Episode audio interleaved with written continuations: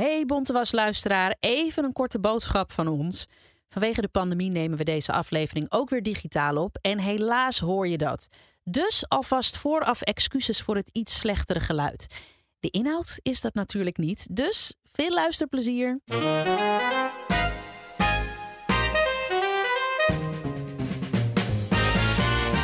Dit is Bonte Was Podcast.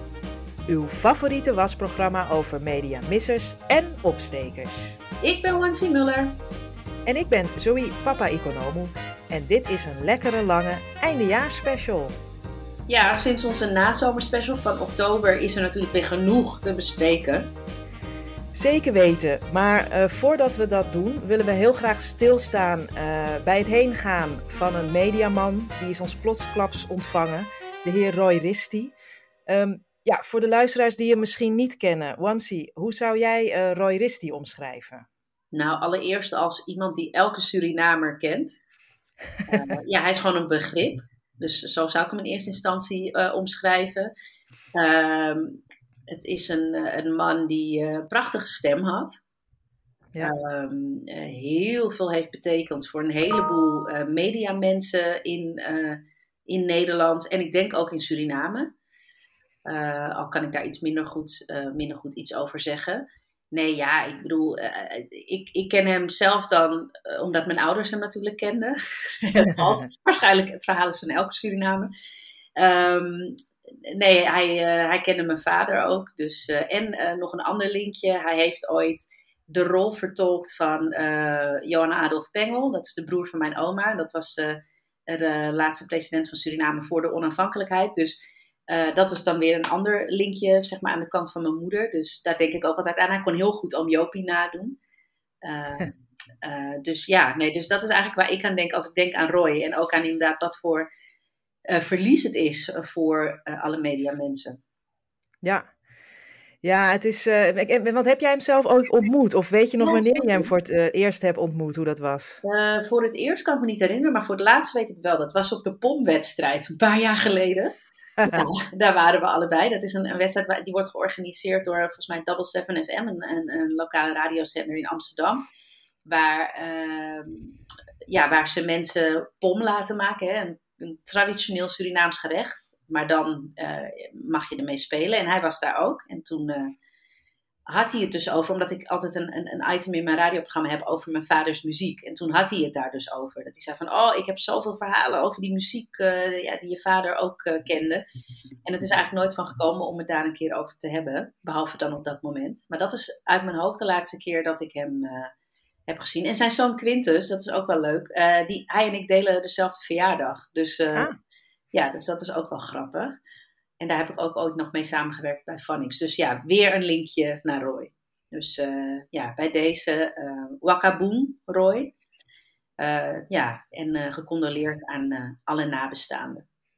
Ja, daar sluit ik me helemaal bij aan. En ik wil hem ook persoonlijk heel erg bedanken voor wat ik allemaal van hem heb mogen leren. Want afgelopen weekend kwamen er ook steeds weer dingen terug in mijn hoofd van ontmoetingen die ik met hem heb gehad. En ja, en ook heel veel lessen die, die die mij leerde, zeg maar zonder, sommige dingen sprak hij gewoon uit hoor. Ze zei Zoe. en dan kwam er wat, weet je. Maar um, um, ook al dingen die ik pas later me realiseerde, dat ik dat van hem had geleerd. Ik heb hem ooit voor het eerst ontmoet toen ik uh, bij AT5 werkte. Um, en natuurlijk, laten we eerlijk zijn, omdat de stront aan de knikker was, naar Zuidoost werd gestuurd. Maar ook toen had ik zelf al, ja, ik, ik ben natuurlijk uh, niet geboren, maar wel getogen Amsterdammer. En ik ken natuurlijk Stadsdeel Zuidoost goed. Um, ja, ik had daar toen al heel veel problemen mee met de manieren waarop er over het stadsdeel bericht werd. En het was ook natuurlijk echt Roy Stadsdeel, weet je wel. En um, ja, daar vonden we elkaar heel snel in. En hij leerde me daar ook wel veel over. Maar wat ik heel mooi vond, was dat hij toch, want hij begreep ook wel als, als ja, de media zo goed kennen, die Nederlandse media, hoe ingewikkeld de dynamiek was waar je in zat. Ik moest toch met mijn verhaal terug, weet je wel. Mm. En zij stond dan altijd toch klaar om er ja, binnen die kaders het beste van te maken, laat ik het zo zeggen. En, um, en sowieso is dat ook wel iets wat ik me herinner, ook uh, als ik hem dan weer sprak. En dan zei hij altijd, Zoe, we zijn er voor je, hè? dat weet je. Oh. of uh, ja, het is ontzettend aardig. Dus je voelde je altijd door hem heel erg gedragen. En dat las ik ook veel terug in de mooie de mooie dingen die ik, um, heb gelezen van mensen die hem eerden de afgelopen dagen. Misschien even goed om te zeggen, want deze uitzending komt natuurlijk iets later online. Hij is op vrijdag 3 december overleden en wij nemen nu een paar dagen daarna op.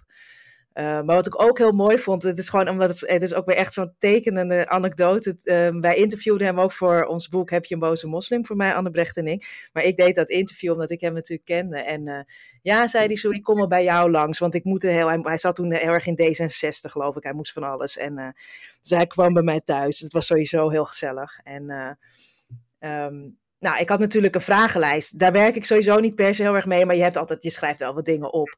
Nou, ik ben gekomen tot vraag 2. vraag 1 was: wat versta je onder diversiteit en inclusie? Nou, toen waren we alweer uh, een stuk verder. En de, de, de, de, de vraag daarna was: wanneer ben je in de media begonnen?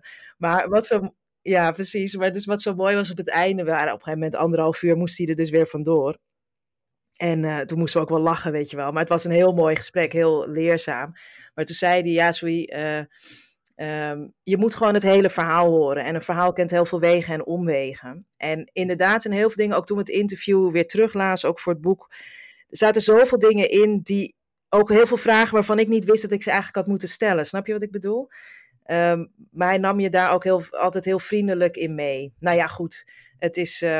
Um, Oh ja, nee, maar laten we dan toch. Um, want we zijn hier ook om kritisch op media te zijn, Mansi. Dus laten we ook zeggen, hoe vinden we dat er tot nu toe over zijn heen gaan wordt bericht? Nou, ik vond het best belabberd. Ik, ik heb eigenlijk overal waar ik het las. Ik was wel uh, blij dat bijvoorbeeld de NOS het heeft genoemd. Want ik, ik vond. Ik had het heel erg gevonden als het een lokaal ding was gebleven. Ja. Uh, dus ik, ik was blij dat ik het bij de NOS zag. Maar toen ik het las, dacht ik: maar is dit nou serieus het, het bericht, uh, is, dit, is dit het profiel dat jullie schetsen van Roy Risti? Ik vond het heel mager. En ik had ook een beetje de indruk dat alle media uh, hetzelfde schreven. Dus dat ze bijvoorbeeld bij de NOS het bericht van uh, het Parool hadden overgenomen. Wat het Parool dan weer van AT5 had overgenomen. Wat, weet je wel? En uiteindelijk heeft het Parool natuurlijk door de Zuidoost-verslaggever Patrick Meershoek een profiel geplaatst.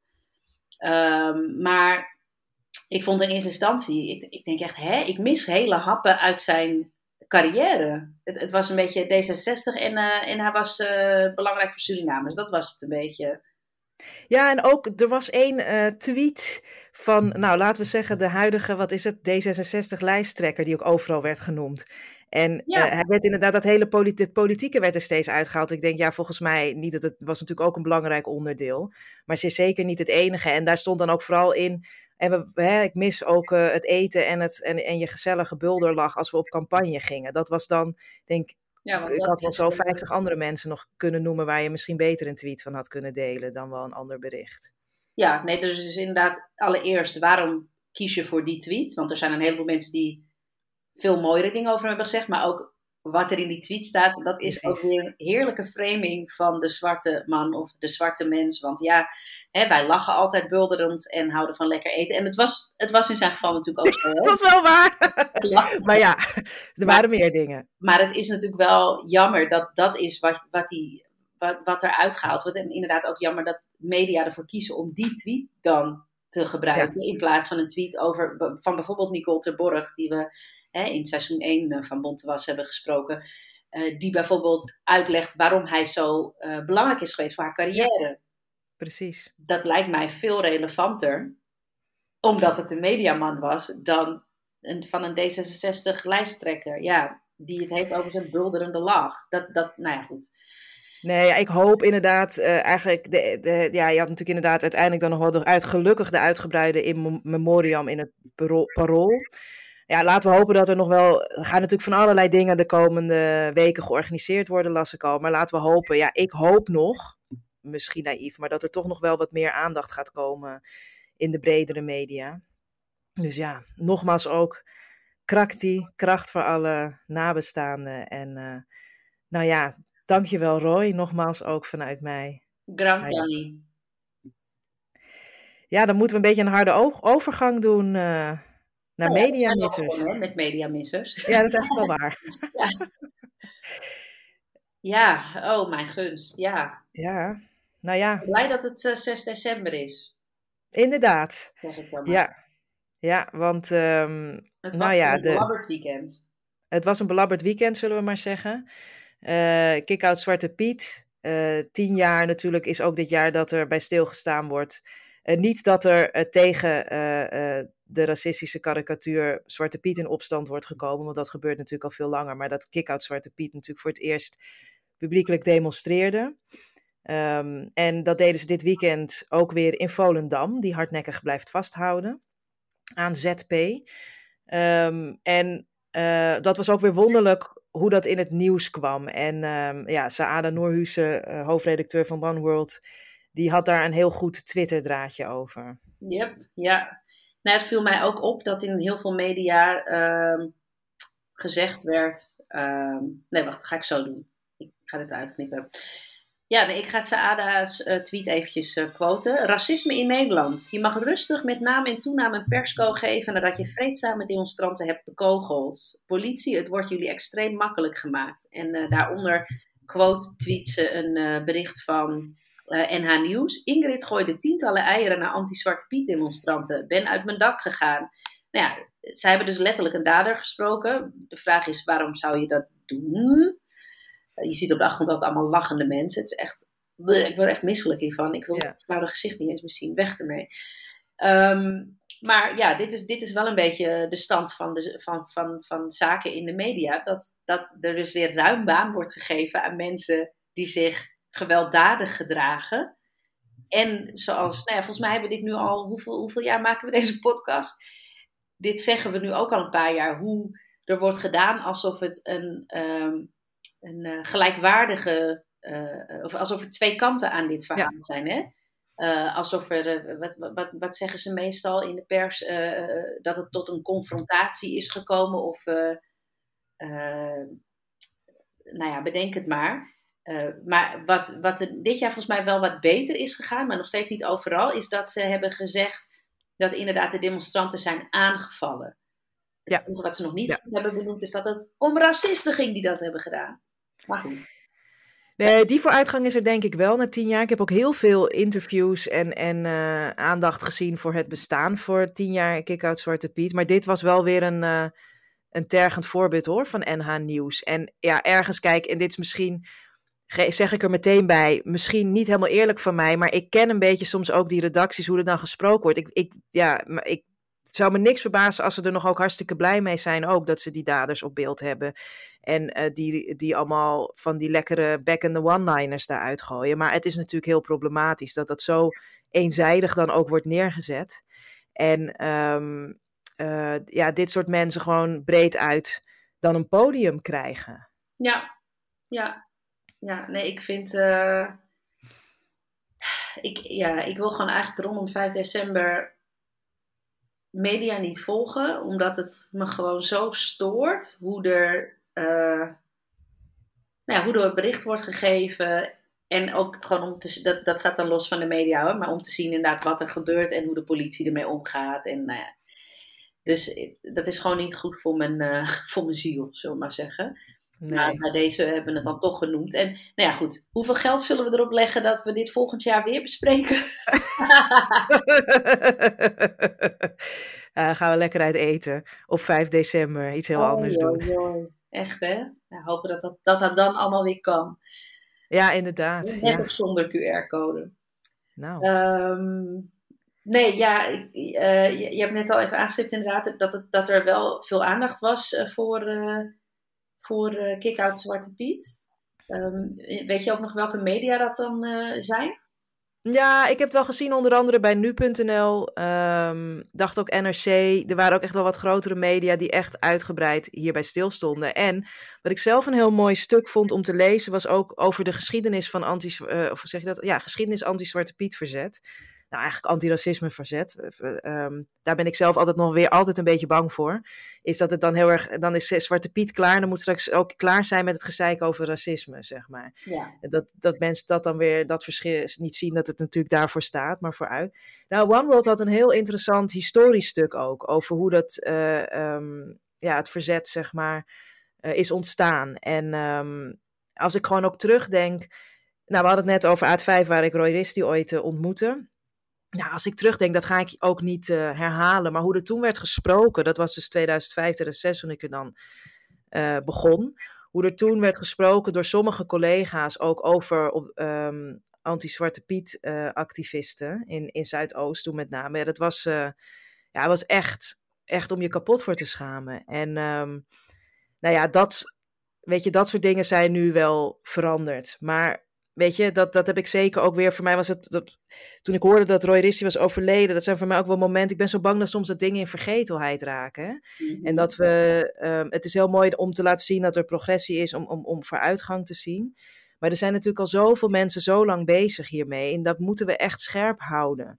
En, en vind ik ook, het is heel goed dat elke generatie natuurlijk weer op zijn eigen manier probeert dingen in de, ja, in de, de context waar wij zij weer in zitten, uh, opnieuw vorm te geven, ook verzet. En dat heeft Kick-Out Zwarte Piet natuurlijk heel mooi gedaan. Met altijd ook veel respect naar uh, de voorgangers. Uh, maar dus dat is eigenlijk waar ik, wat ik persoonlijk een heel uh, mooi stuk vond om te lezen. Ook omdat ik er heel erg in geloof dat we dit soort dingen. We moeten steeds blijven laten zien hoe lang dit al gaande is. Ja, ja. En in aansluiting daarop ehm, wil ik ook even tippen, als je deze podcast hebt afgeluisterd, om even naar de aflevering van Dipsaus te luisteren over tien jaar um, uh, Zwarte Pieters racisme. Dat was een live show die op 10 november uh, in Tivoli Vredeburg was. Met een aantal, bijvoorbeeld Lulu Helder, een van de mensen die in de jaren negentig um, anti-Zwarte Piet verzet heeft gepleegd. En, zij vertelt daar ook heel mooi over hoe dat destijds ging. En hoe er inderdaad ook werd gesproken. en hoe zij werden geweerd van, uh, van tv-programma's. Ze zouden bijvoorbeeld langs gaan bij Sonja Barend. En toen hebben ze het boek uh, Sinterklaas kom maar binnen zonder knecht opgestuurd. En toen werd de uitnodiging gecanceld. Uh, ja, dat soort dingen. Dus dat is ook echt even een luistertip. Niet alleen vanwege Lulu, maar vanwege alle mensen die daar... want Quincy Gario, die, die was de host. Ze heeft ook het een en ander verteld natuurlijk. Um, ja, nee, dus dat is absoluut de moeite waard om even terug te luisteren. Ik wil nog even terugkomen op dat mensen een podium geven. Want ja, dat uh, is natuurlijk gebeurd met uh, de racistische eigooiers in Volendam. Ik las een interessant stuk op villamedia.nl, uh, de website van de Nederlandse Vereniging van Journalisten, over in hoeverre je um, extremistische politici nou een podium moet geven. En er is dus een, een, een soort van overzichtje gemaakt van hoe dat in Nederlandse media gaat, met een vergelijking naar België, waarin eigenlijk besloten is om aan rechtsextremistische politie geen podium te geven. En deels heeft dat er dus voor gezorgd dat uh, rechtsextremisten in België niet zo groot zijn. En ik vind dat best wel interessant, want ik snap heus wel de spagaat. Hè. Kijk, uh, sommige dingen hebben wel nieuwswaarde, maar elke keer dat uh, Jerry en consorten weer een, een, een, een walgelijke uh, uitlating doen, moet je dat nou per se noemen? Dat geldt ook voor, voor uh, meneer W.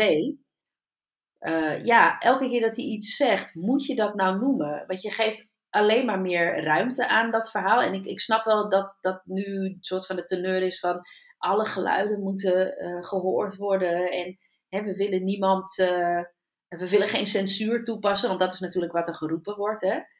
Als je er geen podium aan geeft, dat je dan censuur toepast. Maar niet elke, ja, ik ga dit gewoon zeggen en dit vind ik echt, niet elke mening is evenveel waard. Punt. En ook niet van politici. Want er zijn een heleboel dingen die politici zeggen, andere politici zeggen, die echt wel de moeite waard zijn om te noemen. En die sneeuwen compleet onder of worden gewoon helemaal niet genoemd, omdat er iedere keer weer de focus wordt gelegd op deze nonsens. Dus ja, ik ben toch eigenlijk wel van de school dat je als journalist je heel erg moet afvragen: wat is de, de echte toegevoegde waarde ervan dat ik hier nu weer aandacht aan besteed? Um, ja, heeft het echt nieuwswaarde en wat breng ik het publiek? Nou ja, en ik vind daarna ook echt, want ik ben heel blij dat je dit uh, aankaart, uh, dit stuk ook. Want Kijk, ik denk wel dat er meer over wordt nagedacht. Ik heb toen nog die begintijd, um, zeg maar, staat me nog helder voor de geest dat de heer W. opkwam. Nou, echt werkelijk aan alles wat hij deed werd aandacht besteed. En, ook, um, en dat gold ook uh, uh, voor de beginperiode van uh, de heer B. alles, alles, alles, alles moest gemeld worden. Um, en wat daar wat zij ook nog heel goed wisten te doen, en dat wist de heer W. nog beter, door afwezig te zijn, was hij nog gewilder, zeg maar. Mhm. Dus uh, ja, dat was gewoon, um, zeg maar, eigenlijk zijn veel media een soort van campagnebureau geweest voor deze heren. En dat zeg ik heel scherp, expres. Uh, omdat je natuurlijk wel, of je het nou wil of niet, en daar, moet je als, daar heb je gewoon als media verantwoordelijkheid in. Je hebt macht en je uh, bepaalt dus mede wie, die, wie, wie zichtbaar is en mm. zichtbaarheid krijgt.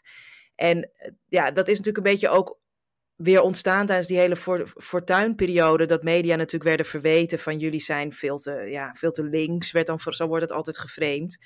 Maar jullie geven geen aandacht aan, uh, aan wat de gewone mens beweegt, zoiets. Hè?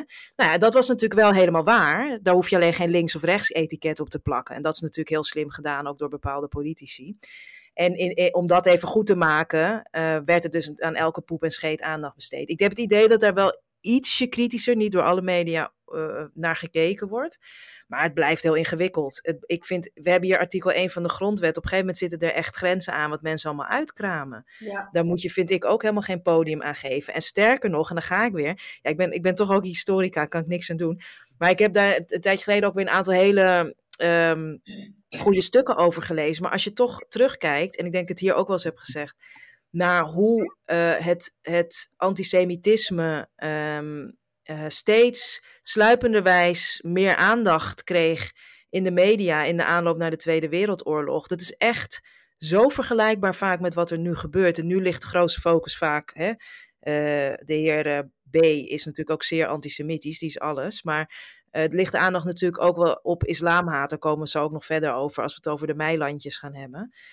Um, maar ik vind het uh, echt een armoe van ons beroepsveld dat we elkaar. Ook, ik vind dat we ons daar echt te weinig druk over maken. En ook te makkelijk van afmaken met we moeten het allemaal maar verslaan. Dat is onze taak, weet ik veel. Ja, ik, ik, ik dat, vooral dat laatste, daar stoor ik me echt aan. Het, nogmaals, niet elke mening is evenveel waard. Punt. Nou ja. Maar van akte. Ja. Doe toch maar weer een van Nieuwkerkje ertussendoor. ja, die houden we erin. Um, ja, over uh, islamhaat gesproken, of islamofobie, ja, ja, islamhaat noemen we het maar gewoon. Uh, die wederom een podium heeft gekregen in uh, de Nederlandse media. Je had er ook nog wel eentje, hè?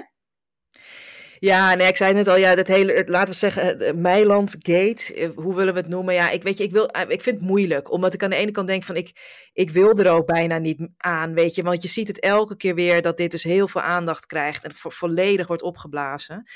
Um, ik wil graag een stukje voorlezen uit een hele goede column over hoe dat dan ook weer in de media gaat van Johan Frets, schrijver en onder andere columnist voor het Parool.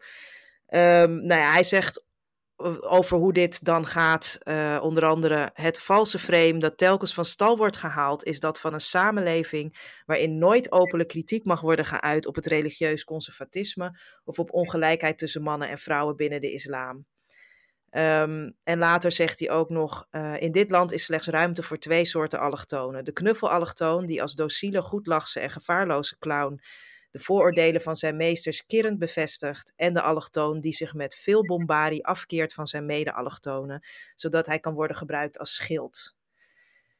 Kijk, wat hij dus eerst zegt over dat frame, en dat maakt het altijd zo moeilijk, weet je, is dat er dan wordt gezegd van, uh, uh, het wordt dan heel erg gezegd van, ja, maar in de islam mag dit en dit en dit ook niet. Hè? Dat is dan, uh, wat, dat wordt er als het ware tegenovergesteld. Of je mag geen kritiek op de islam. Dat is gewoon, dat is echt heel filijn. En nou ja, dat beschrijft Freds ook in zijn column. Dan heb je ook helemaal geen oog in hoeveel er ook allerlei dingen in beweging zijn, ook binnen allerlei religies één. Maar dat andere is ook, en dat is ook de titel van zijn uh, column. Nou ja, dat, hè, dat, dat het, gaat niet over dat het wokeism of hoe het wordt genoemd en cancel culture. Het gaat er gewoon om dat mensen waar het over gaat nu terugpraten. Ja. En gewoon uh, um, zich in die zin uh, als volwaardig burger van dit land gedragen. En daar hebben mensen moeite mee. En dat zag je ook in, nou ja, dat heb ik echt puur gekeken omdat er iemand in zat die ik ken, namelijk Nadine Ridder uh, merkstratege onder andere, die ging in gesprek met Angela de Jong, columnist van het AD. Uh, eh, bij Op 1 onder begeleiding van Jort Kelder. Nou ja, ik wil, dat is echt niet wat ik normaal op mijn vrijdagavond. Nee, nee, los van het dien. voor jou dat je dat hebt uh, gekeken. Ja, maar goed, inderdaad, voor dit programma dacht ik. Sorry, wat zei je? En nog meer respect voor Nadine dat ze daar heeft gezeten. Ja, inderdaad. Ehm, nee, en ik, dus ik, ik heb dat gekeken. En dan zie je dus ook van die standaard dingen hè, waarin vervallen wordt. Wat allereerst heel erg interessant is, je ziet heel duidelijk natuurlijk, ja, dat, dat is natuurlijk ook niet verwonderlijk bij uh, Jort Kelder, is dat hij natuurlijk, Angela de Jong legt hij helemaal niks kritisch in de weg. Uh, maar Nadine Ridder wel. Het wordt ook de hele heel uh, persoonlijk gemaakt. Terwijl zij, Nadine zit daar niet per se om iets persoonlijks over wat zij van iets vindt. Dus het, hè, racisme of islamhaat wordt dan gemaakt tot een soort persoonlijk gevoel of weet ik veel. Um, maar wat is Angela de Jong, die deed het ook. Hè? Uh, dingen als die zegt dan, ik had het even opgeschreven. Ja, en als Meiland die uitspraken had gedaan over nonnen, ja, dan hadden we hier niet gezeten. Nee, inderdaad niet. Natuurlijk niet. Natuurlijk hadden we hier dan niet gezeten. Want uh, ja, ik weet niet, Wansi, misschien lees jij het wel dagelijks, al die nonnenhaat in de krant. Jeetje, Mina. Ja. Ik bedoel, dat maakt dit soort uitspraken natuurlijk zo problematisch, omdat ze landen op een uh, xenofoob, islamhatend uh, bed. En daar mag je dus wel degelijk um, iets op terugzeggen, weet je wel. Dus dat, en, en ja, ik weet het niet. Maar goed, hoe heb jij heb je, naar die hele uh, Meilandjesgate gekeken? Nou, allereerst geprobeerd me er zo min mogelijk mee bezig te houden. Maar linksom en rechtsom krijg je er toch wat van mee.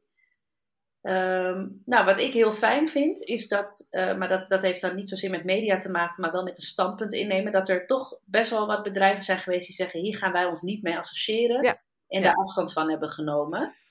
Uh, en of dat nou een morele overweging is geweest of een financiële, dat weet ik niet. want het blijven bedrijven. Dus die snappen dat ze anders een hele grote doelgroep uh, afstoten uh, als ze daarachter blijven staan. Maar goed, ik vind het is ook goed dat het gewoon een keer wordt uitgesproken. Um, en uh, in, het kader daarvan vond ik ook een heel leuk voorbeeld. Even een zijspoor hoor, maar ik vond het wel mooi dat bijvoorbeeld als je repen wil maken bij Tony Chocoloni dan staat er echt bij: wij uh, maken geen repen waarin afbeeldingen van Zwarte Piet worden gebruikt. Ja, nice. Ja, weet je wel. En dat vind ik gewoon, dat zijn gewoon statements die je moet maken als bedrijf. Je moet wel ergens voor staan en je moet je durven uitspreken. En nou ja, de mensen die dat dan wel willen doen, die gaan lekker ergens anders naartoe. Toedeledokie. En dat vind ik nu ook voor alle bedrijven die hebben gezegd: wij nemen afstand van de Meilandjes, uh, we doen geen zaken meer met ze. Goed zo. Hopelijk denk je de volgende keer na over wat je zegt. Kijk, ik bedoel, ik heb niet de illusie dat ze nu denkt: oh ja, ik had ze niet zo moeten noemen. Want ze denkt dit nog steeds. Hè? En iedere keer gooit ze er Tuurlijk. bovenop. Uh, dus, um, dus, dus die illusie heb ik niet. Maar het is wel goed dat ze het gaan voelen. Dus, ja. Nee, helemaal eens hoor. En dat kwam natuurlijk ook, daar ging eigenlijk dat gesprek tussen Nadine Ridder en, um, uh, en Angela de Jong over. Hè, van dat bedrijf hier afstand van nemen. En op zich um, dat ook Angela de Jong zegt wel, ja, het is een vrij land, dus dat, dat mogen ze ook doen. Maar aan de andere kant wordt er toch gezinspeeld op angstcultuur en je mag ook niks meer zeggen, dat verhaal. Nou, en wat ik ook altijd zo wonderlijk vind, is dat um, er wordt gedaan, zeg maar, alsof het hele lichtzinnige dingen zijn die mensen zeggen. En dat het gewoon belachelijk is dat ze dat niet meer mogen zeggen. Het zijn gewoon nare racistische of islamhaten of andere discriminerende opmerkingen. Natuurlijk wil je je daar als bedrijf niet mee associëren. Ik hoop dat meer bedrijven dat gaan doen. Weet je, als, ik denk echt, het gaat over artikel 1 van de grondwet. Ja, dat blijf ik toch maar herhalen. Uh, allemaal zo vreemd is het niet. Maar we doen net alsof we echt, alsof onze samenleving verloedert. Doordat we dat soort prut niet meer de wereld in kunnen slingeren. Ik vind het een. Ab, ab, nou ja, ik vind ja, het... Misschien moeten we ook een keer een aflevering, of moeten we een keer in een aflevering duiken in de zogenaamde cancel culture. Oh ja. Ja, dat is wel een goede en ook over, want da daar stoor ik me ook inderdaad in wat een wokeism en weet ik veel. Mensen ja. hebben geen idee waar het allemaal vandaan komt en die roepen maar wat. Ja. Ik heb het zelf overigens ook en dat vond ik, het was goed bedoeld, maar ik kreeg een reactie gezondheid uh, op een lezing um, uh, toegestuurd die ik ergens had gegeven. Van dat iemand zei, ja, ik vond het ook zo fijn dat ze het op een manier overbrengt, niet wat je nu ziet in die woke cultuur. En dan denk ik, nou, daar maak je me echt geen compliment mee. Uh, dan ben ik dus duidelijk niet uh, scherp genoeg geweest. Dat dacht ik. ja, als jij als mellow wordt gezien. Nou, dat, uh, ja. Oh. Nou ja, precies. Maar goed, weet je, nee. Maar dan denk ik ook, ja, ik vind dat een hele. Ik, ja, nee, laten we dat doen. Eh, iemand, want het is, er zijn ook heel veel misvattingen over. Mhm. Ik las eh, een tijdje geleden, oh je maar zet me helemaal aan, sorry. Maar ik las ook weer een stuk van het Financieel Dagblad. Die prop ik er dan toch nog even tussen als missen. Dat was ik alweer vergeten. Dat ging over diversiteit in organisaties of zo. En toen werden ook bijvoorbeeld, ja, er zijn al heel veel slachtoffers geweest op universiteiten die vanwege de cancel culture hebben moeten vertrekken. Ho, ho, ho. Ze zijn niet van, ik ga helemaal met een vinger erbij. Ja, dat kunnen jullie niet zien natuurlijk, eh, luisteraars. Maar goed, voor het idee. Ehm, Nee, nee, nee, nee. Die cancel culture is niet de reden dat ze moeten vertrekken. Het is het feit dat het enorme antisemieten, seksisten of racisten waren. Daarom moeten ze vertrekken. Ja, Ik wou zeggen, we moeten even meer zen worden, maar nu weet ik dat jij iets over de NTR kwijt moet. ja, ja, die eh, eh, eh, omroep, wat is het ook alweer? Speciaal voor iedereen. Ja, diversiteit. Overaan. Speciaal was het zeker wat er is gebeurd. Een kinderprogramma. En nou ben ik even, weet ik even niet, want ik, zo oud is mijn dochter nog niet dat ik, dat ik daar met haar naar kan kijken. Maar er was een kinderprogramma waarin een Surinaams scheldwoord werd genoemd. Ehm, het is natuurlijk niet de eerste keer dat in Nederland gedacht wordt dat Surinaamse woorden straattaal zijn. Eh, en eh, voor iedereen die het niet weet, even een mini-college. Eh, heel veel woorden uit het Sranang een van de talen uit Suriname, komen voor in straattaal. Ja, dat klopt. Maar het zijn Surinaamse woorden. Het zijn geen straattaalwoorden. Wat is er nou gebeurd? Er was een kinderserie en daar werd dan blijkbaar een rapper in. eh, dus er is zoveel mis hiermee. Maar oké. Er werd dus een rapper geïnterviewd, een pop, een rapperpop. En die, eh, die had het over eh, dat hij koude fatsoenlijk is. Nou, ik kan je vertellen, iedereen die Surinaams is en nu luistert, die weet dat dat geen woord is dat je zo bezigt. Letterlijk betekent kaulo, kaolo, poepgat. Dat is heel oneerbiedig, heel onfatsoenlijk. En eh, er wordt dan, zeg maar, eh, door degene die die, pop, die rapper interviewt gevraagd, wat betekent dat? En dat woord wordt dus echt, denk ik wel, vier, vijf keer genoemd. Ehm, en dan zegt hij, heel erg. Uh, en dan zegt hij, net als Tantu, wat overigens woord is uit het papiamento. Maar oké, ook geen straattaal. Uh, en daar zijn dus klachten over binnengekomen. Er zijn er wat moeders geweest die dat gezien hebben en, en eh, naar de NTR hebben uh, gemaild. Van jongens, wat zijn jullie aan het doen? Hebben jullie enig idee? Um, en dat betekent dus, wederom, dat daar niemand zit nee. die ze kan vertellen dit is niet per se een woord wat wij zouden moeten willen gebruiken, want het is niet netjes. Uh, en daarbij weten ze dus ook niet dat het geen straattaal wordt. Het wordt wel in straattaal gebruikt, maar het is, het is hetzelfde. Nee. Als, het, is, het is vergelijkbaar met dat je uh, het andere K-woord zou gebruiken. Uh, weet je wel, die ziekte. Wat ook ja. een heleboel jongeren doen. Hè? Maar dat, dat, dat weten ze wel, dat je dat niet gaat gebruiken. Je gaat iemand niet K-fatsoenlijk noemen. En dan bedoel ik dus de ziekte. Nee, maar dat Surinaamse woord kunnen we wel gebruiken. Omdat niemand weet wat het betekent.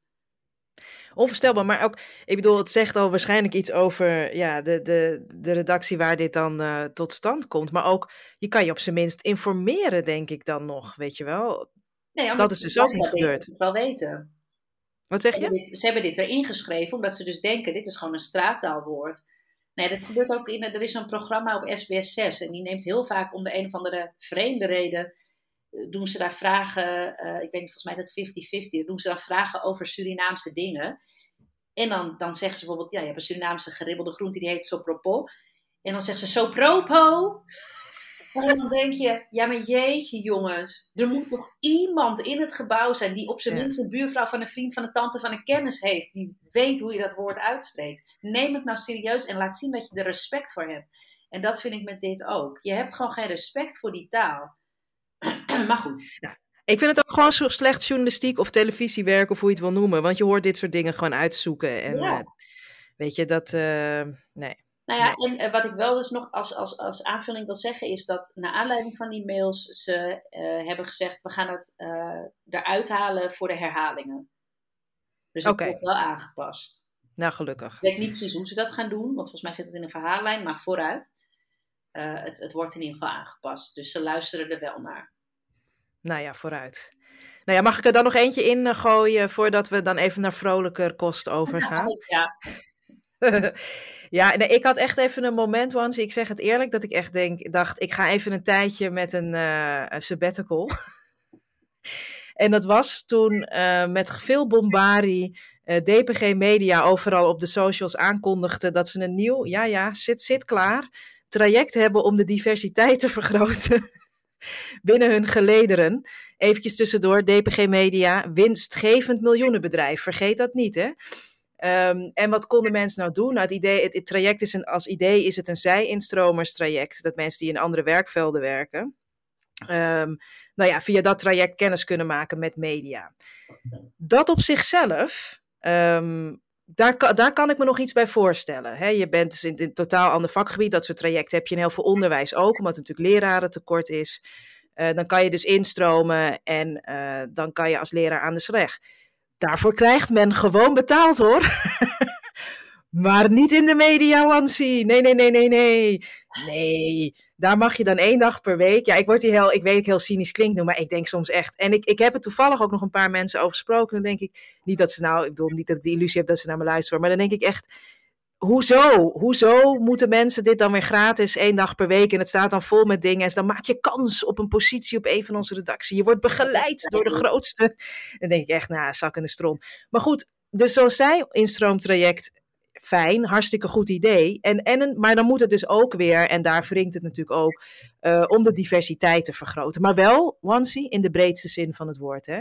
Dus, en daar heb ik me ook gewoon kapot om gelachen. Terwijl dan vervolgens werden er allemaal artikels gemaakt. Dat ging alleen maar over biculturele zwarte um, journalisten die ze eigenlijk zochten.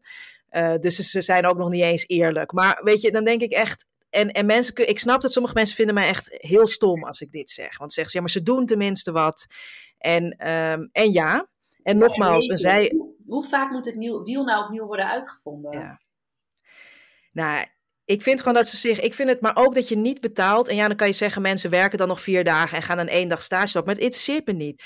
Ik denk echt, je. je, je, je, je nou, ik, en, maar ook weer alleen. En Anne Brecht en ik hebben dit natuurlijk voor ons boek ook maar weer eens. Hè, want het is zeker niet eerste keer onderzocht. Wat er vaak gebeurt met dit soort diversiteitstrajecten. Weet je wel. Dat ja, er komt vaak toch een stempel op te staan. En, uh, en plus, wat er dus altijd gebeurt, diversiteit wordt altijd binnengehaald. Sowieso blijft diversiteit op deze manier ook altijd alles wat niet tot de norm behoort. Dus de norm uh, is dan weer uh, niet onderdeel van diversiteit. Um, maar die worden binnengehaald op stagiaire traineeship functies. Een tijdje geleden weer gehoord, I kid you not once, iemand die ik ken bij een krant, die eerst stage mocht lopen. Dat werd een verlengde stage en daarna een traineeship. Nou. Het is gewoon ook, als je denkt aan sociaal-economische klassen, dat gold overigens niet voor deze persoon, vanzelfsprekend, want anders kan je dit niet doen. Maar wie kan dit zich veroorloven? Ja. Wat erg. Nee, maar het is, ik vind het gewoon, ik vind het armoe. En dan kom ik weer terug, het begint een beetje een thema te worden voor mij deze uitzending. Ken je geschiedenis, ook als mediamaker. En als je dit oprecht wil, verdiep je en, en denk een beetje na over wat je doet. En wees ook gewoon een rechtvaardig werkgever. Dit geldt voor veel meer bedrijven in Nederland. Betaal mensen. Ja. Betaal mensen voor wat ze binnenbrengen. Maar als jij dat hoort, ga jij niet, ga jij niet helemaal uit? Ik kon gewoon even nou, niet weet meer. je wat best wel grappig is, nu ik erover nadenk? Ik heb, uh, toen ik in 2002 afstudeerde van de school voor journalistiek in Utrecht, uh, natuurlijk nagedacht van, ja, wat ga ik dan doen? Uh, ik, ik ben afgestudeerd in de richting tijdschrift en ik heb, ik heb toen een gesprek gehad bij het Parool. Ongeveer tegelijkertijd dat ik een gesprek had bij Vanix. En bij Parool was dat ook een traineeship. Natuurlijk. ja. En dat was, ja, dat was helemaal niet een leuk gesprek. Ik had helemaal geen klik met die, met die ik denk dat de hoofdredacteur was. En ik zag eigenlijk ook helemaal niet zitten om bij een krant te gaan werken of weet je wel, het nieuws te verslaan en zo. Oh, en dat was ook grappig, want zijn uh, uh, terugkoppeling aan uh, degene die dat gesprek had geregeld was ook van, nou, ik denk dat zij niet in de journalistiek verder moet hoor. Dit is, dit is hem niet. Oh, wauw. Ja. Nou, dat is vervolgens toch best goed gekomen, maar dat beide. Precies. Um, maar dat, dat, ik realiseer me dus nu dat, dat eigenlijk mijn loopbaan ook zo had kunnen beginnen. Uh, en gelukkig is dat niet gebeurd. Ik ben gewoon als volwaardig me, uh, uh, medewerker bij Vanix gaan werken. zoals het hoort. Ehm, maar ja, ik, ja, nou ja, en ik heb het dus nu over 2002, 2003 of 2004, ik weet niet meer precies wanneer dat was. Dat is twintig jaar geleden. Ja, kom en ook, op jongens. Nou, ook sommige trajecten die wij onderzochten ook, en dat is door Migrant en Media heette dat toen nog, dat is jaren negentig. En nogmaals, weet je, er zijn ook ehm, best wel een aantal journalisten met een biculturele achtergrond wel doorgestroomd door dit soort trajecten. Hè? Maar het gaat om, eigenlijk alles daaraan is, is uh, problematisch. En het gaat dus ook niet om het gegeven stage. Ik bedoel, stages is niks mis, maar het gaat ook niet om het gegeven traineeship. Maar dat dat altijd wordt ingezet om uh, dat zogenaamd ja, mensen klaar te stomen om op zo'n redactie te kunnen werken. Het is gewoon, uh, nou, het moest gewoon even uit mijn systeem.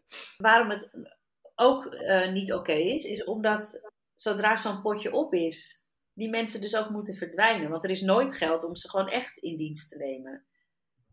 En dat, is, dat zijn ook de verhalen die, nou, die heb jij vast ook gehoord, maar die ik ook terugkrijg van mensen. Van, ja, het potje was op. Ja, en dan? Dus wat is je plan? Je moet wel een soort van lange termijn visie hebben. Als je zogenaamde diversiteit wilt binnenhalen, dan moet je ook zorgen dat ze blijven. En dat kan niet op een potje.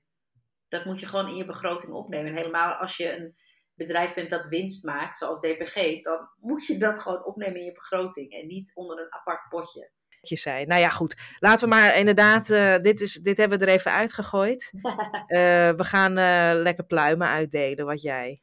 Ja, ja, ik ben toe aan iets positievers. nee, we zijn toe aan iets positievers. Zoe, begin jij? Ja, ik wil beginnen met de documentaire serie Rauw Curaçao van Wensley Francisco. Hij heeft een jaar lang Curaçaoenaars gevolgd. de COVID-crisis uh, komt daar ook heel hard aan op het eiland. En um, nou ja, het is in alle eerlijkheid een van de weinige lineaire programma's, zoals dat heet. Nou ja, ik kijk het niet altijd uh, terwijl het wordt uitgezonden, maar gewoon zoals de normale mensen dat doen. Gewoon online kijk ik het terug. Nee, grapje. Nee, maar goed, het is een van de weinige dingen die ik kijk op de publieke omroep op dit moment, samen met Hunted. Ik moet eerlijk zijn. Um, uh, nee, maar het is een hele mooie serie. Want ik, we hebben natuurlijk uh, Roesby Kaboli een tijdje geleden te gast gehad. Voor de mensen die die aflevering nog niet hebben geluisterd, ga dat doen. Dat gaat over tussen aanhalingstekens buitenlandsjournalistiek. Want Curaçao is natuurlijk geen buitenland. Uh, maar dat wordt nog wel vaak zo gepresenteerd natuurlijk. Um, maar wat je, waar we daar ook over hebben in die uitzending met Roesby, is ook hoe er altijd met een soort toch een beetje een ja, in dit geval laat ik het noemen Nederlandse blik, Europees-Nederlandse blik, zeg maar. Wordt gekeken naar in dit geval ook de eilanden. En um, daar zie je wel wat verandering in, waar het eerst altijd zeg maar de witte Nederlander was die zich ergens in de wereld ging verwonderen over hoe de mens daar leefde. Um, is dat wel wat veranderd? Je ziet nu wel dat het nu zeg maar vooral witte mannen, moet ik trouwens zeggen, zijn uh, en, en Paulien Cornelissen dan, die, die dan wel de taal een beetje spreken of, of goed spreken. Zoals Ruben Terlouw natuurlijk. En, en dat brengt al veel meer, dat mensen de cultuur wel echt kennen en daar bijvoorbeeld ook een periode hebben gewoond. Maar wat bij Wensley een verademing is, is dat hij gewoon, hij kent Nederland in Europa, eh, het Europese deel van het Nederlands Koninkrijk, maar hij kent dus ook Curaçao heel goed. En dat zie je gewoon in de documentaire, dat mensen zijn open. Het is um, het is warm en oprecht. En daardoor dring je gewoon ook echt door tot, uh, ja, tot wat daar gaande is. En maakt het gewoon heel boeiend en mooi om naar te kijken. En gewoon een belangrijke serie ook om te laten zien wat, wat daar gaande is. Heb jij het al gekeken? Nee, nee. Ik, uh, ik heb wel ergens meegekregen dat het er is, maar om heel eerlijk te zijn is het vrij moeilijk met mijn meisje dat midden in een sprong zit om, om alles te volgen. Ja, joh. Langer dan een kwartier naar iets te kunnen kijken. Dus, uh, dus hij staat nog op de toekijklijst. Ik ga meteen even op mijn NL Ziet uh, aanzetten. Ja, wat goed. En nog, ook nog een tip. We hebben ook uh, overigens... Oh ja, daar was ik toen alleen, want toen kon jij niet. Ja, toen was ik bij de NVJ, de Nederlands Journalistenvakbond. Hadden we, heb ik een special, Bonte Was special gemaakt. En daar was Wensley ook te gast. Die is ook nog terug te luisteren voor de geïnteresseerden. Oh ja, seizoen 1 is dat, hè? Ja. Ja. Wansi, naar wie gaat jouw eerste pluim? Ja, dit lijkt een heel klein beetje op zelfbevlekking wat we aan het doen zijn. Maar uh, wij ja, hebben gewoon alleen maar interessante mensen in Zo is het. Uh, Racit Elibor, dat is ook iemand die we hebben gesproken, uh, journalist voor de Groene Amsterdammer. Die heeft een, een heel mooi stuk geschreven over het imposter syndrome. En uh, dat, is een, dat is een gevoel dat je hebt, um, vaak als, nou ja, in dit geval biculturele journalist, dat je je afvraagt wanneer je nou eindelijk eens ontmaskerd gaan worden en dat de mensen om je heen doorgaan hebben dat je eigenlijk helemaal niks kan. of dat je daar dus zit, maar eigenlijk je plek helemaal niet verdiend hebt. En zijn stuk gaat erover uh, over dat imposter syndroom, maar ook over waarom vaak zoveel mensen met een migratieachtergrond dat gevoel hebben. Um, en dat uh, was heel herkenbaar eigenlijk. Ja. ik heb daar zelf, en dat, dat, dat, ik heb daar last van gehad, moet ik zeggen, misschien wel meer omdat ik vrouw ben dan vanwege mijn kleur uh, waar ik nu zit. Uh, omdat dat, de radiowereld is een redelijke mannenwereld. Nou, of een combinatie ervan, hè? Ja, alleen ik bedoel, en dat is dan dat is ook een beetje cliché, zeg maar. Van, het, het is cliché, maar het is wel waar. Kijk, ik, ik heb heel veel verstand van de muziek die ik draai. Dus, uh, dus daarin, daarin voel ik me niet uh, zozeer een, uh, een imposter. Maar soms, ik heb in het begin vooral wel eens gedacht van, goh, weet je wel, kan ik het wel? En tuurlijk, ik, ik, ik heb nog heel veel te leren, absoluut. alleen, ik verdien die plek gewoon. Ik zit daar gewoon omdat ik, omdat ik het kan. Ehm, en daar ben ik inmiddels van overtuigd. Alleen hè, in het begin vooral bekroop me nog wel eens de gedachte van, oh, hè, kan ik dit wel? En wanneer gaan ze doorhebben dat ik eigenlijk, nou ja, dat idee. En nu denk ik, nee, ik hoor daar gewoon. Maar goed, dat is dus een heel mooi, uh, een heel mooi stuk van uh, Rashid Elebol. We zullen het in de show notes plaatsen. Ja, en dan, ik vond het ook, ik heb het ook gelezen en ik, voor, en ik herken het ook zeker. Um, nou ja, ik heb het nog wel eens misschien soms op een plek. En het is een beetje in een combinatie inderdaad. Vrouw zijn, bicultureel zijn. Uh, weet je, dat... Um, maar ik dan in de show notes ook nog even een stuk bij. Dat, um, dat is volgens mij, nou moet dacht The Guardian. Nee, het is een Harvard-onderzoek. En uh, de titel daarvan is Stop Telling Women They Have the Imposter Syndrome. Hè? Bij uh, gaat het over biculturaliteit dan. Maar de imposter syndrome wordt ook vaak gebruikt dus inderdaad voor vrouwen als ze dan op een bepaalde plek komen. Um, want eh, wat het effect er vaak van is geweest, dat hele imposter syndroom, is dat dus dan vrouwen of biculturelen, hoe je het allemaal wil noemen, die moeten dan geempowered worden.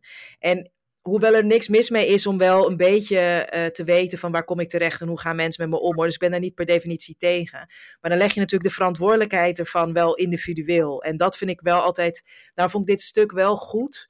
Um, of dit onderzoek dan, van weet je, je moet, uh, als je het alleen daar wat aan van, want het gaat natuurlijk uiteindelijk om het systeem dat gewoon fout is, weet je, en dat mm -hmm. heel lang gedomineerd is door een bepaalde uh, norm. En daar moeten we ook verandering in, in, uh, in aanbrengen. Maar wat, ja, ik vond het ook echt een heel mooi stuk van Rashid, omdat het, hij beschrijft, ja, hij beschrijft precies hoe het voelt. En mm -hmm. Um, ja, het is ook gewoon heel erg, omdat je, ik denk, ik, iedereen twijfelt natuurlijk aan zichzelf. Dat is, uh, dat, maar er zijn gewoon, en dat, dat laat hij ook gewoon zien, er zijn gewoon bepaalde mechanismen. Nou, onder andere, wat dacht je van trajecten om diversiteit binnen te krijgen? ja. Die er soms voor kunnen zorgen dat, dat mensen die dus of bijvoorbeeld een biculturele achtergrond hebben, of uh, nou ja, of beide, nou ja, uh, extra twijfels daardoor gaan krijgen. Dus dat, uh, ja, nee, een heel goed stuk. Ik, uh, ik wil ook nog een aanvulling daarop uh, doen. Code Switch, ook een toffe podcast, die heeft ook ooit een aflevering gemaakt over het imposter syndrome, maar dan met betrekking tot je afkomst. Dus mensen die bijvoorbeeld zeggen van, uh, ik voel me eigenlijk, ik zeg maar wat, in mijn geval dan een nep Surinamer. Dus dat oh, ja. is ook een heel mooie aflevering. ja. Ik zal eens kijken of ik hem nog terug kan vinden, dan gooien we die ook in de show notes. Dit wordt weer een heel lange show notes, peoples.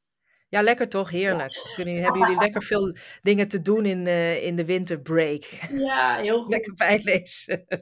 Um, nog een opsteker heb jij volgens mij, hè? Ja, ik had een goed stuk, las ik. Um, ik, ik wist ook dat dat er aan zou komen op Follow the Money. Misschien sowieso een aanrader, zit ik even te denken, als we, als we toch aan het aanraden zijn. Um, als je het je kan veroorloven, en, hè, en je bent natuurlijk al vriend van Bonte Was podcast, en, uh, maar is het ook heel belangrijk om lid te worden van bepaalde onderzoeksjournalistieke platformen. Dus denk ook aan One World, Nieuw Wij, maar dus ook vind ik echt aan Follow the Money. Uh, die kunnen dat ook hard gebruiken, want goede journalistiek is gewoon duur. Dus als je bereid bent uh, en, en, en in staat bent om daarvoor te betalen, doe het. Dus dat even tussendoor. De, de het was een stuk dus gratis, sowieso. Wat zeg je? De eerste maand is gratis. Je kan een maand op proef uh, uh, gratis uh, hun artikelen lezen. Oh ja, inderdaad. Ja. En ik ben dus recentelijk ook lid geworden, want ik dacht, ja, ik vind het is gewoon belangrijk om van de dingen die je goed vindt juist lid te worden, want alle centen zijn welkom. Ehm, ja, dat, het stuk heet Achter de schermen bij de publieke omroep. Een giftige cocktail op het Mediapark. Nou ja, dat spreekt natuurlijk wel uh, tot de verbeelding. Nou ja, je, je, ik ben zo benieuwd ook hoe jij het hebt gelezen, Wansi. Want jij zit op dat giftige... Die, die, jij zit in die giftige cocktail. Nee, ja, letterlijk. maar goed, uh, alle gekkigheid daar gelaten. Um, het is wel een goed stuk die dus laat zien um, ook, hè, want je hebt de publieke omroep, de, de NPO hangt daar als het ware boven als orgaan. En eerlijk gezegd wist ik dan niet eens dat het nog maar zo kort bestond. Dat bestaat dus geloof ik twaalf jaar. Nee, ik, in, mijn, in mijn geheugen is het er al ever, forever. Maar, en dan heb je daaronder al die losse omroepen hangen. En het gaat eigenlijk ook over hoe een aantal mensen daar echt de dienst uitmaken en alles bepalen. En hoe dat ook een klein netwerkje is van mensen die elkaar steeds baantjes um, doorspelen. Dus ik heb dat met, het is denk en, en dat doet Follow the Money natuurlijk ook op basis van dat ze op zoek gaan naar geldstromen en hoe die worden verdeeld. Dus dat is een hele goede manier van werken. Dus een mooi onderzoek. Het enige waar ik, uh, het is een serie, dus er komen er nog meer, dus ik kijk daar ook naar uit. Waar ik wel een beetje ehm, mijn hart voor vasthoud, ben ik wel eerlijk over. Dat staat uh, ook in de aankondiging van het stuk staat um, in de komende artikelen zullen we inzoomen op de machtspositie van de NPO, het gebrek aan transparantie van geldstromen, de kritiek op de digitale strategie en de fnuikende werking van diversiteitsbeleid op de inhoud van sommige programma's. En vooral dat laatste maak ik me een beetje zorgen over. Hoewel, het is denk ik heel goed dat het wordt uitgezocht. Dat hebben Anne Brecht en ik ook geprobeerd voor Heb je een boze moslim voor mij. Dat was echt wonderlijk. Er was heel veel niet meer terug te halen van wat voor uh, potjes en projecten er allemaal zijn geweest bij de NPO. En niemand wist wie daar precies allemaal ook alweer voor verantwoordelijk was. Het moest allemaal opgezocht worden. Nou, dat was echt uh, een wonderlijk gegeven. Dus op zich dat je dat kritisch beschouwt, daar ben ik heel erg voor. Waar ik me zorgen over maak, is dat vaak het effect daarvan is, is dat er helemaal niks meer gebeurt, want zie je wel, het werkt toch niet. Mm-hmm. En ja, dat zou ik dus dan wel weer uh, heel jammer vinden. Dus ik, ik hoop dat daar wel integer mee wordt omgegaan. Uh, maar goed, tot zover even mijn uh, verhandeling erover. Hoe zie jij dat als inwoner, gezetene van het Mediapark? Nou ja, ik vond het allereerst een interessant stuk, omdat ik ook niet zo op de hoogte was van hoe dat nou precies werkt. Uh, dus ja, dus, alleen al daarom was het, was het goed om te lezen. Ehm, ja, en ik weet niet of ik kan zeggen dat het me verbaast wat ik heb gelezen. dat, dat er veel dingen uh, elkaar worden toegespeeld. En dat eigenlijk bijvoorbeeld zendermanagers niks mogen vinden van de inhoud, maar dat wel doen. Wat natuurlijk recentelijk is gebeurd hè, op 3FM. Um, ehm, overigens is de side note daarbij dat de manier waarop dat in de media is gekomen, volgens mij er ook toe heeft geleid dat uh, Charit alles, want daar heb ik het nu over, verschrikkelijk veel nare seksistische en racistische berichten heeft ontvangen. Um, maar goed, dat is even een zijspoor. Dus ja, dat, dat, het is een interessant verhaal. En ik, ik weet zelf dus niet, omdat ik, ja, ik bedoel, ik werk voor een omroep op een zender. En dat zijn allemaal, kijk, ik kom van Phonics waar je gewoon voor de zender werkt. En iedereen werkt voor die zender. Dus je hebt niet een blokje van, van, van die omroep en een blokje van die omroep. Dus voor mij was dat, toen ik in Hilversum kwam, ook echt even omschakelen.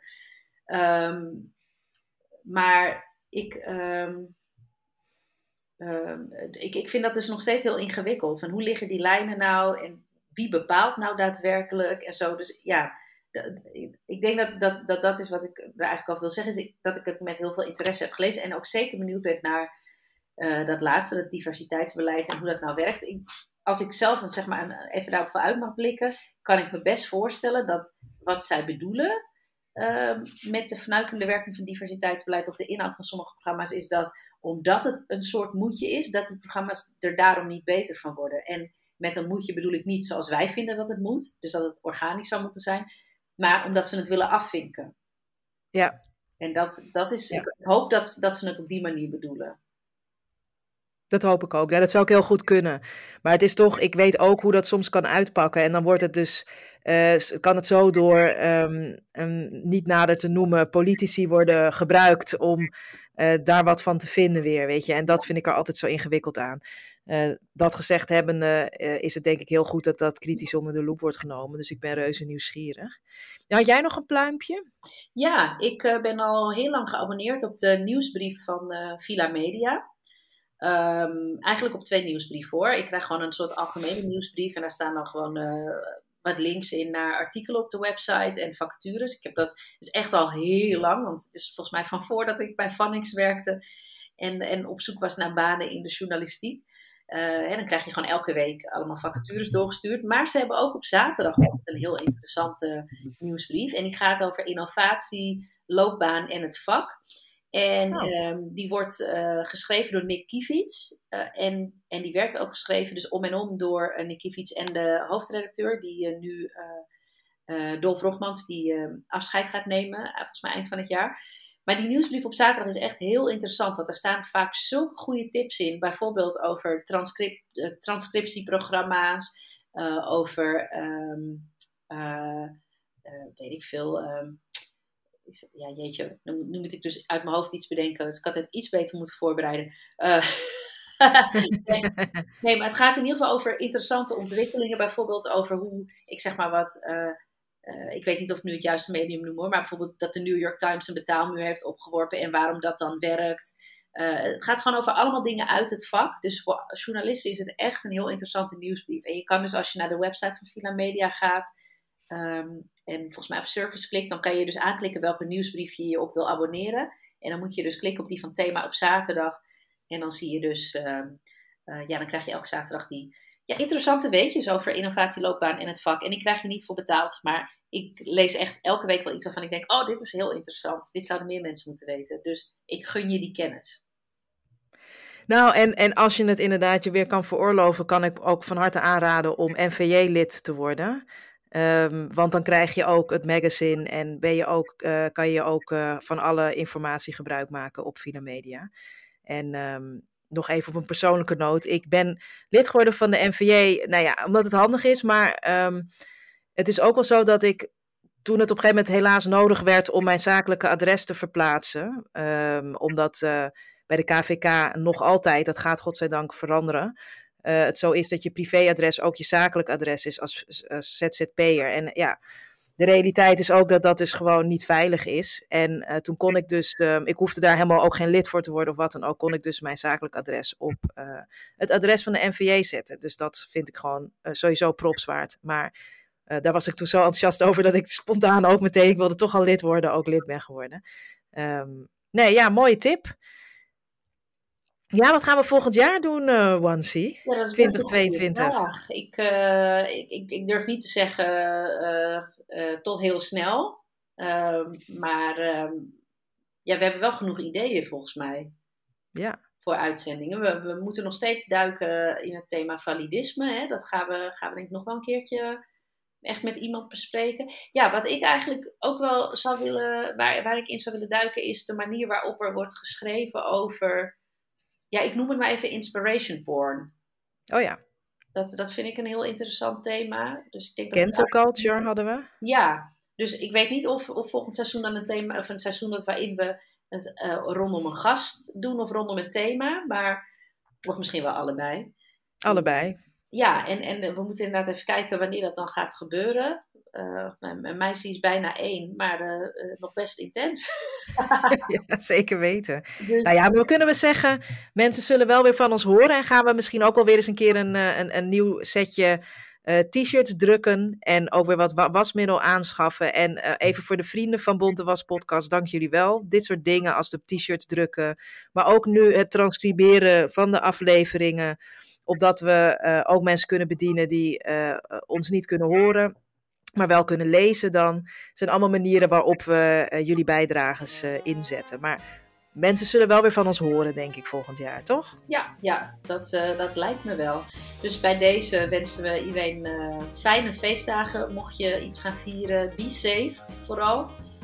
Um, en hopelijk tot volgend jaar. Oh ja, en niet vergeten, deel ons ook, hè? Want dat, dat helpt heel erg. Maar Spread the word. Ja, ik, ik, ik borduur nu een beetje voort, of tenminste, ik loop een beetje vooruit op wat we zo meteen gaan zeggen. Want dit was een extra lange eindejaars Bonte Was podcast. Abonneer je op onze podcast via Spotify, Apple Podcast of een andere podcast-app en laat ook een recensie achter.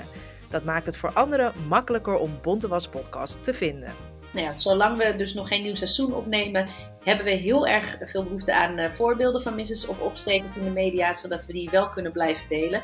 En ook als je meer wil weten over Bontewas Podcast, volg ons dan op Twitter via @bontewaspodcast. En word natuurlijk ook vriend van onze podcast door eenmalig of vaker te doneren via www.vriendvandeshow.nl slash bontewaspodcast.